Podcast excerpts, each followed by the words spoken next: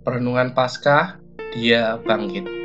Bacaan kita hari ini terambil dari 1 Korintus pasal 15 ayat 1 hingga 34. Sejak diterbitkannya buku The Da Vinci Code sampai buku-buku seperti Injil Thomas, Kristus dihujat dan dinyatakan tidak bangkit dengan argumen ditemukannya mayat yang diduga berasal dari keturunan Yesus. Apakah Yesus benar-benar bangkit atau kebangkitannya hanya sekedar ilusi atau fiksi rekaan para murid? Seberapa signifikannya Paskah itu bagi iman Kristen? Bagaimana dampak Paskah bagi kehidupan orang Kristen? Hari ini kita akan bersama-sama merenungkan satu bagian Alkitab yang menjelaskan kaitan erat antara kebangkitan Kristus yang berdampak pada kebangkitan kita sebagai orang-orang Kristen sejati kelak. Dari Alkitab kita mendapatkan keterangan lengkap bahwa Tuhan Yesus bangkit pada hari yang ketiga ketika Maria Magdalena dan Maria yang lain menjenguk kubur Tuhan Yesus. Perkataan Tuhan Yesus bangkit diucapkan oleh seorang malaikat Tuhan. Kristus yang bangkit juga menampakkan diri kepada beberapa orang, yaitu Maria Magdalena, kepada para muridnya, pada Thomas, dan para muridnya di pantai Danau Tiberias. Penampakan dirinya kepada banyak orang ini jelas membuktikan bahwa para murid tidak sedang berhalusinasi Tidaklah benar jika ada anggapan bahwa kebangkitan Kristus adalah suatu rekaan oleh para murid Kristus, dan itu tidak pernah terjadi.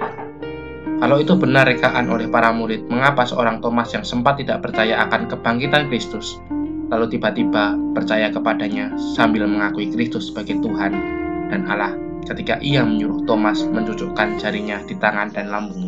Sebuah halusinasi dan rekaan jelas tidak mengakibatkan seorang yang tidak percaya seperti Thomas lalu berubah menjadi percaya. Jangan pernah ditipu oleh tipuan iblis di zaman postmodern ini dengan menggunakan sarana media elektronik dan massa. Penampakan Tuhan Yesus ini diberitakan ulang oleh Rasul Paulus di dalam 1 Korintus pasal 5 ayat 5 hingga 8 dan Paulus menambahkan bahwa Kristus yang bangkit menampakkan dirinya juga kepada Paulus sendiri. Inilah inti iman Kristen dan Injil. Dari sini kita belajar bahwa Kristus benar-benar bangkit dan kebangkitannya bukan hanya sekedar peristiwa historis, tetapi peristiwa yang begitu signifikan yaitu memberikan pengharapan. Apakah pengharapan di balik kebangkitan Kristus? Mari kita pelajari satu persatu. Pertama, kebangkitan Kristus memberi pengharapan akan perubahan hidup. Paulus menjelaskan bahwa Injil itu berisi kematian dan kebangkitan Kristus. Tetapi itu tidak cukup sampai di situ Kebangkitannya memberi pengharapan akan adanya perubahan hidup yang dia alami. Perubahan apa yang dialami oleh Paulus? Pertama, perubahan status. Di ayat yang ke-9 dan 10a berbunyi, Karena aku adalah yang paling hina dari semua rasul, bahkan tidak layak disebut rasul. Sebab aku telah menganiaya jemaat Allah. Tetapi karena kasih karunia Allah, aku adalah sebagaimana aku sekarang, dan kasih karunia yang dianugerahkannya kepadaku tidak sia-sia. Paulus dahulu bernama Saulus yang berkobar-kobar melayani Allah dengan menganiaya pengikut jalan Tuhan. Tapi ketika Tuhan Yesus menampakkan dirinya di jalan menuju Damsik, jalan hidupnya berubah dari seorang penganiaya jemaat menjadi pemberita Injil yang sangat setia sampai akhir hidupnya. Dulu seorang Saulus adalah seorang yang binasa meskipun mengakui diri melayani Allah. Tapi setelah Tuhan melawatnya, seorang Saulus berubah menjadi Paulus yang telah diselamatkan. Inilah perubahan status yang ia alami. Bagaimana dengan kita?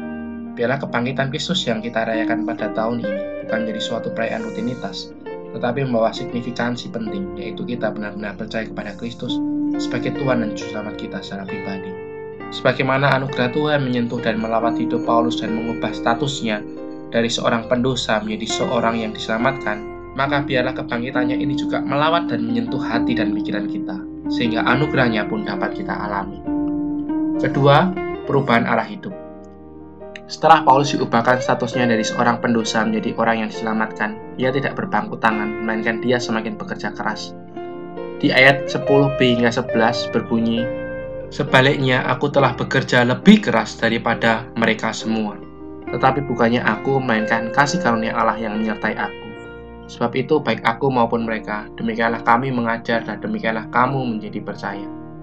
Setelah diselamatkan, dia makin giat memberitakan Injil dan melayani Allah lebih uniknya, meskipun dia makin giat bekerja keras demi Allah, dia tetap menyadari bahwa itu adalah anugerah Allah dan bukan kehebatan dirinya sendiri. Kembali, di sini kita mendapatkan pelajaran berharga dari seorang Paulus. Ya bukan hanya Rasul Kristus yang paling pandai dan setia, tetapi dia juga seorang Rasul yang rendah hati. Bagaimana dengan kita? Kita sering kali terbuai dengan status yang diubahkan. Kita pikir setelah kita diselamatkan, kita bisa menganggur dan tidak usah berbuat baik demi kemuliaannya. Dari Paulus kita belajar bahwa setelah diselamatkan, kita harus semakin giat bekerja keras melayani Allah dan memberitakan Injil. Ke mana saja kita diutus olehnya, marilah kita tetap setia pada panggilannya untuk memberitakan Injil. Kedua, kebangkitan Kristus memberi pengharapan akan kepastian iman. Ayat 14 dan 17. Pengharapan akan perubahan hidup tidak bisa ada jika tanpa pengharapan akan kepastian iman. Oleh karena itu, Paulus menegur jemaat Korintus di mana ada waktu itu ada jemaat yang tidak mempercayai kebangkitan Kristus dengan alasan orang yang mati tidak bisa hidup lagi.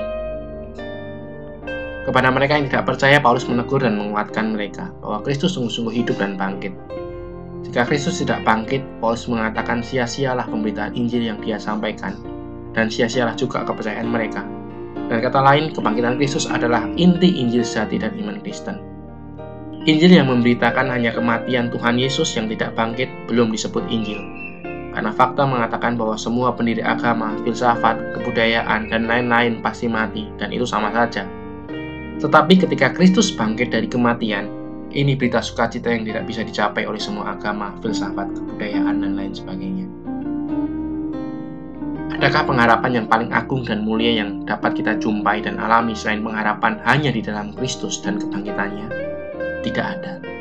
Oleh karena itu, jika Anda masih mau ditipu oleh berbagai bujuk rayu si iblis melalui media, televisi, buku, dan lain sebagainya, lalu beriman bahwa Kristus tidak pernah bangkit, hari ini bertobatlah. Biarkanlah roh kudus bekerja di hati Anda dan buka hati dan pikiran Anda untuk menerima Kristus yang telah mati dan bangkit sebagai satu-satunya Tuhan, Juru Selamat, Raja, dan pemilik hidup Anda secara pribadi. Ingatlah, jika Kristus tidak bangkit, maka kita akan terus hidup dalam dosa dan tidak dapat diselamatkan. Tapi puji Tuhan, Kristus bangkit. Itu membuktikan iman dan pengharapan kita tidaklah sia-sia. Amin. Solideo Gloria. Selamat Paskah, Tuhan Yesus memberkati.